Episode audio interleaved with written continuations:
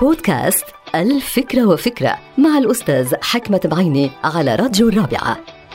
فكرة اليوم العلاقة بما هو معروف لدى البعض بال multitasking أي القدرة على القيام بعدة مهمات في الوقت نفسه.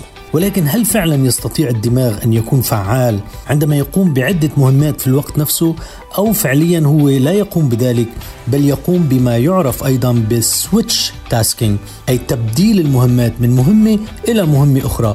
ومن ثم العودة إلى المهمة الأولى.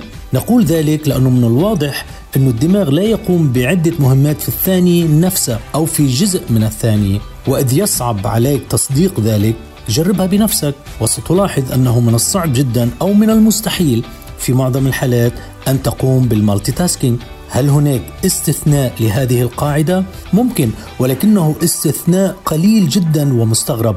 ما يمكن أن يفعله الدماغ هو التبديل ذهابا وايابا من مهمه إلى أخرى، يمكنه القيام بذلك بسرعة كافية ليعطيك انطباع بأنه متعدد المهام، ولكن ما يفعله فعلا هذا الدماغ هو تبديل المهمات. ويوجد نوعان مختلفان من مهام التبديل.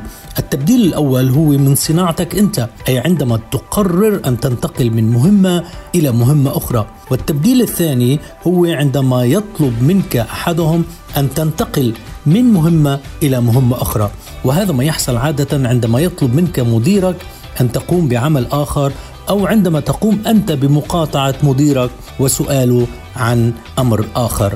في الحالتين يخضع الإنسان إلى أسوأ حالات التخطيط والتركيز والتنفيذ أي أنه يخضع لل switch tasking وليس ال multitasking انتهت الفكرة. هذه الحلقة مقتبسة من كتاب ألف فكرة وفكرة.